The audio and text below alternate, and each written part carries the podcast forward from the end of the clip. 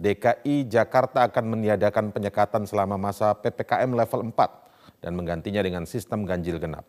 Ada delapan ruas jalan yang akan diberlakukan sistem ganjil genap. Untuk informasi selengkapnya, kita bergabung bersama Gema Tanjung langsung dari Bundaran Senayan, Jakarta Selatan. Selamat pagi, Gema. Besok sistem ganjil genap resmi diterapkan, lalu seperti apa penerapan ini nantinya? Sistem ganjil genap akan dimulai pada esok tanggal 12 hingga tanggal 16 Agustus 2021 dan akan diterapkan dari pukul 6 pagi hingga pukul 8 malam waktu Indonesia Barat. Dan untuk 8 ruas jalan ini akan dimulai dari Bundaran Senayan Jakarta Selatan dan terus menuju ke Jalan Sudirman, kemudian juga Jalan Tamrin, lalu ada Jalan Medan Merdeka Barat hingga ke Jalan Pintu Besar Selatan. Sedangkan untuk di ruas Jalan Barat Timur ini akan diberlakukan juga di Jalan Gatot Subroto dari arah Mampang menuju ke Semanggi. Begitu pula juga dengan sebaliknya. Tadi di Lantas Polda Metro Jaya, Kombes Pol Sambodo Purnomo Yogo mengatakan bahwa ganjil genap ini tidak akan mendapatkan sanksi kepada para pengendara yang tidak mengikuti, tetapi para pengendara yang akan memasuki jalur ganjil genap dan nomor uh, tidak sesuai maka akan diputar balikan dan tidak diperbolehkan untuk melintas ke ruas jalan jika nomornya tidak sesuai. Tetapi ada juga sejumlah kendaraan yang masih diperbolehkan untuk melintas di jalur ganjil genap, yaitu mobil yang mengangkut penumpang dengan disabilitas, kemudian juga mobil dengan keperluan uh, penolongan untuk COVID-19 dan juga uh, kendaraan yang akan mengantar uh, pejabat seperti presiden dan juga menteri hingga uh, pejabat lainnya. Kemudian juga dengan ambulans dan juga pemadam kebakaran serta mobil logistik yang kebutuhannya untuk COVID-19 akan tetap diperbolehkan untuk melintas di 8 ruas jalan untuk ganjil genap hingga tanggal 16 Agustus mendatang. Pandemi COVID-19 yang tak kunjung usai pemirsa membuat perekonomian masyarakat, terutama di pulau terluar Indonesia, sangat terdampak. Dan untuk membantu meringankan beban tersebut, Binda Kepri menyalurkan tali asih dalam bentuk sembako pada ratusan masyarakat yang ada di Kelurahan Sembulang, Pulau Rempang, dan Pulau Karas, Kecamatan Galang, Kepulauan Riau. Menurut Agung Ceputro, Kaposda Bin Batam, di tengah pandemi COVID-19 banyak masyarakat, terutama yang tinggal di wilayah pulau terluar, yang kehilangan mata pencaharian. Sebanyak 500 paket sembako dibagikan dengan cara door-to-door -door, guna menghindari kerumunan dengan bekerja sama dengan aparatur kelurahan. Total sembako yang dibagikan adalah sebanyak 33 ton beras, 1000 kardus mie instan, 2 ton gula, dan 1000 dus minyak goreng. Dengan mengenakan pakaian adat Jawa, Hadi Purwanto, seorang dalang asal Jepara, Jawa Tengah ini tampil di sela-sela program vaksinasi Merdeka Candi di Mapolres Jepara, Jawa Tengah. Memainkan wayang kulit, sosok Semar sebagai tokoh punakawan, Sang Dalang menyampaikan ajakan kepada masyarakat untuk turut andil dalam menuntaskan pandemi COVID-19, termasuk mengikuti vaksinasi yang diselenggarakan Polres Jepara dalam program vaksinasi Merdeka Candi. Menyambut peringatan Hari Kemerdekaan Republik Indonesia kali ini, kami akan hadirkan informasi inspiratif dari Desa Temega di Karangasem, Bali yang mampu menjadi desa tangguh selama pandemi COVID-19. Ya, melalui semangat gotong royong dan kesiapsiagaan, desa ini nihil kasus terkonfirmasi COVID-19. Atas keberhasilannya, Desa Adat Temega, Kelurahan Padangkerta, Kecamatan Karangasem diganjar penghargaan sebagai desa tanggap pandemi COVID-19 se-Kabupaten Karangasem oleh Satgas Gotong Royong Dewata. Desa Temega dinilai berhasil pemirsa dalam mengelola aparatur desa, administrasi, hingga mengedukasi warga mengenai bahaya COVID-19. Aparatur desa juga senantiasa memantau masyarakat setempat dalam menjalankan protokol kesehatan. Status zona hijau COVID-19 berhasil dipertahankan oleh Desa Temega di, di tengah lonjakan kasus COVID-19 di Kabupaten Karangasem. Di tengah lonjakan kasus COVID-19 di Bali, Desa Temega mampu mempertahankan kasus zona hijau COVID-19. Dan pemirsa kami akan ajak Anda membahas bagaimana menciptakan sistem desa tangguh dari ancaman COVID-19. Sudah bergabung bersama kami Bendesa Adat Desa Temega, Karangasem, Inega Putra, dan Babin Kamtipnas, Kelurahan Padangkerta, Aibtu Ikomang Ada Sudarsana. Selamat pagi Bapak-Bapak sekalian. Selamat pagi Ibu dan Bapak, selamat pagi Indonesia. Selamat pagi, semoga sehat semua ya Pak ya dalam keadaan sehat dan tetap semangat menjalankan tugas sehari-hari. Uh, saya mau ke Pak Negah dulu nih Pak. Pak, uh, saya penasaran bagaimana sih Pak uh, upaya yang dilakukan pemerintah desa waktu awal-awal terjadi sehingga desa Bapak ini menjadi desa tangguh COVID-19? Pak Negah, masih dengar suara kami? Ya, selamat pagi. Jadi, Silakan, Pak. Jason, Uh, ya, terima kasih uh, atas waktunya. Uh, saya sebagai bendesa adat desa adat Temega Enengah Putra uh, sangat bersyukur bisa bertemu uh, semua pemirsa uh, Metro TV dan mengenalkan desa kami bahwa selama ini kami sebagai bendesa adat Temega selalu menjaga kerama masyarakat kami sehingga tetap kami bersinergi untuk memerangi uh, COVID-19 ini uh, bersama pecalang dan juga Satgas Gotong Royong sehingga desa kami bisa bebas daripada uh, COVID-19 karena selalu kami mengedukasi kepada masyarakat kami, kerama kami, bahwa dari diri sendirilah dulu yang pertama untuk menjaga kesehatan, memerangi COVID-19 itu, karena kami sayang, kita sayang kepada keluarga sehingga tidak membawa virus ke keluarga, sehingga selalu menggunakan protokol kesehatan itu.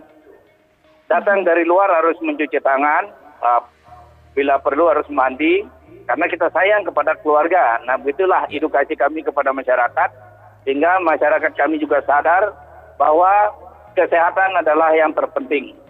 Dan okay. sayang kepada keluarga itu adalah harga mati juga sehingga ya. tidak pulang membawa virus itu karena virus itu jelas dari luar dibawa keluar ya, ke dalam. Pak Nega, kalau kita bicara tadi soal edukasi sudah dilakukan ke masyarakat di sana ya Pak Negah ya. Tapi kalau kita bicara soal program-programnya secara spesifik seperti apa Pak? Selalu Selain edukasi Pak yang dilakukan. Kesehatan. Memakai masker, mencuci tangan, hmm, paling tidak menjaga jarak lah kepada kerumunan-kerumunan itu sehingga tidak terpapar oleh uh, virus corona ini. Nah, kalau di luar sudah tidak terpapar, kalau pulang-pulangnya ya berarti dia sudah aman. Begitu. Baik. Ya, kita ke Aibtu Komang. Aibtu Komang ini bicara soal edukasi, kemudian pendekatan ke masyarakat sampai dengan kasusnya uh, ini nihil sampai sekarang itu adalah sebuah uh, komitmen tentunya, hmm. komitmen bersama dari pejabat daerah, stakeholder sampai dengan masyarakat di sana. Edukasi seperti apa dan pendekatan seperti apa nih Aibtu Komang yang dilakukan kepada masyarakat sehingga masyarakat awarenessnya, kesadarannya terhadap protokol kesehatan di sana tetap baik sehingga kasusnya tetap nol di sana.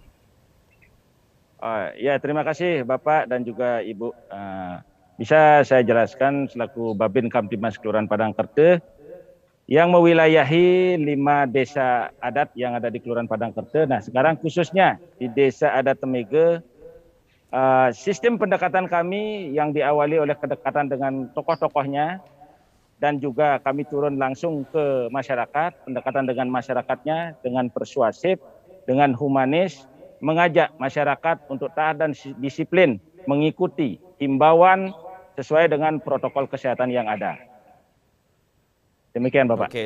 Susah nggak sih Pak untuk mengajarkan warga desa di sana untuk taat protokol kesehatan? Di awal-awal memang kami rasakan ada kesusahan terkait masyarakat yang notabene belum pemahamannya belum paham betul tentang apa sih COVID itu yang sebenarnya. Namun berdasarkan kami berusaha bersama Bapak Babinsa pendekatan kepada masyarakat secara humanis, mengetuk hati nurani mereka untuk taat dan disiplin. Karena virus ini kita tidak tahu siapa yang membawa virus, kapan datangnya, dan seperti apa. Itu kita jelaskan kembali ke masyarakat, door to door, sistem yang kami uh, laksanakan sesuai perintah pimpinan dari Bapak Kapolri, Kapolda maupun Bapak Kapolres langsung ke Kapolsek. kami himbau dengan humanis karena situasi pandemi ini kita berusaha pendekatan ke masyarakat secara humanis demikian Bapak. Baik, saya mau ke Pak Negah lagi. Pak Negah, masyarakat itu kan ada berbagai macam tipe ya untuk melihat COVID-19 ini. Bagaimana Pak Negah menangani uh, bertemu dengan masyarakat dan menjawab segala pertanyaan masyarakat terkait dengan COVID-19? Eh, uh, setiap hari kami kan selalu bertemu pasti di sini kepada warga kami karena dekat. Nah, di sanalah kami memberikan edukasi, pengertian kepada setiap masyarakat agar masyarakat itu tetap menjaga protokol kesehatan demi dirinya dan keluarga serta demi masyarakat eh, kami desa adat Temiga ini. Ya, ada nggak sih Pak yang ngeyel gitu Pak di uh, ada nggak sih Pak yang ngeyel ketika dibilangin oleh Pak Nengah nih? Pak Nengah negurnya seperti apa?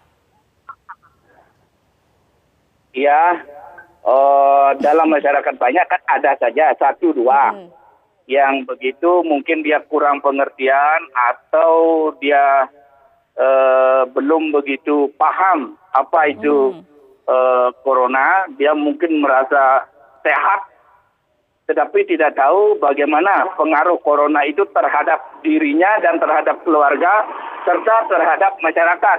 Nah itulah tetap uh, Satgas Gotong Royong Pak Binta, Dimas Dalar uh, mengedukasi, memberikan pengarahan, dan kami juga sampai membuat pararem bahwa dalam pararem itu setiap kerama warga kami mentaati protokol kesehatan dan keluar harus memakai masker. Apabila tidak, Satgas kami akan turun memberikan edukasi dan memberikan peringatan satu, dua, tiga kali dia masih terlihat begitu, dia akan dikenai denda ya. sosial di Karama kami, di masyarakat kami. Begitu, Mas. Ya. Pak Nengah, ini bicara soal uh, konsistensi dan juga komitmen Desa Temukan juga tidak hanya konsisten untuk mempertahankan sampai dengan nihil kasus, tapi di sana juga ada program, ini yang saya tahu ada pemberdayaan pangan, ketahanan pangan yang dilakukan oleh masyarakat desa di sana untuk bisa bertahan di situasi pandemi seperti ini. Ini bisa diceritakan program yang seperti apa itu Pak Nengah? Uh, begini, dalam hal pandemi COVID-19 ini kan kita tidak tahu jangka waktunya tidak tahu, lamanya tidak tahu. Kami apabila terjadi suatu lockdown atau isolasi wilayah, sehingga kami akan kesulitan membeli bahan pangan itu. Nah kami kan di sini memang uh, agraris pertanian. Nah itulah kami giatkan kembali dan dari ada bantuan dari Polsek dan Polres untuk menggiatkan ini uh, ketahanan pangan dengan hmm. menebar bibit-bibit nila, hmm. begitu dengan apa namanya menanam cabai. Kalau padi ya sudah masyarakat selalu di sini. Nah hmm. itulah ketahanan pangan. Ada kerajinan-kerajinan kami giatkan di sini dari mahasiswa uh, Undiknas juga. Dia KKN ke sini. Dia juga ikut terima kasih kami uh, ikut dia menggiatkan bagaimana cara pemasaran daripada uh, kerajinan-kerajinan kami di sini. Ya, kita harapkan program-program tersebut membantu masyarakat ya pandangannya di tengah kesulitan-kesulitan pandemi COVID-19. Dan saya mau ke Pak Komang lagi nih Pak Komang, untuk pengawasan yang dilakukan Babin Kamtipnas di sana, seperti apa Pak? Apakah ada mungkin sanksi, uh, ada hukuman tersendiri atau ada sanksi sosial kah yang diterapkan untuk mereka-mereka yang mungkin melanggar protokol kesehatan? Seperti apa Pak? Uh, memang betul Bu, uh, di awal-awal pada saat pandemi COVID-19 di bulan Maret 2020 memang hmm. ada dari Satgas kami, Satgas Gotong Royong yang ada di Desa Temige memakai sanksi-sanksi berupa hukuman fisik di awal-awal ini. Seiring berjalannya waktu karena pandemi ini lama prosesnya kita juga tidak tahu kapan akan berhenti, akhirnya kita rubah itu. Biar masyarakat itu tidak ada kontra terhadap Satgas yang berjaga. Saya selaku Babin Kamtibmas selalu menghimbau kepada Satgas Gotong Royong yang ada kita himbau secara humanis, walaupun ada dasar-dasar uh, aturan yang uh, apabila masyarakat itu melanggar, ada aturan sesuai dengan peraturan gubernur dan peraturan bupati serta awig atau prarem uh, yang ada di desa itu kita terapkan. Namun sampai saat ini belum ada kita kasih tindakan berupa sanksi tersebut. Hanya kita tetap himbau dan masyarakat pun sampai saat ini masih mengikuti himbauan kami bersama Satgas. Demikian, Ibu. Iya. Kalau pendekatan secara adat mungkin, uh, Aibtu Komang, apakah sudah diberlakukan dan kemudian sampai dengan saat ini, apakah masih dilakukan door to door tadi yang sudah dijelaskan oleh Aibtu Komang atau proses penjagaannya pengawasan dari Satgas berjalannya seperti apa, Pak? Untuk kegiatan door to door hanya sesekali waktu kita lakukan, tetapi kegiatan Satgas di tiap hari yang rutin dilaksanakan karena kami yang ada di Desa Temike ada pasar tradisional tetap dilaksanakan penjagaan, pemantauan maupun pengamanan. Baik kegiatan masyarakat yang di luar ke, kegiatan agama dan adat, tetap juga kita laksanakan pengawasan. Di samping itu juga Satgas juga lewat pengeras suara dihimbau untuk tetap taat dan disiplin mengikuti himbauan pemerintah terkait protokol kesehatan ini. Baik, baik. Saya mau ke Panengah lagi. Panengah, total ada berapa Pak penduduk di Desa Temega dan sudah berapa lama Desa Temega ini menjadi zona hijau, nihil ke, uh, orang yang terkonfirmasi positif COVID-19 di sana? Ya, Maaf, kami belum bisa mendengar. Ya, uh, total ada berapa?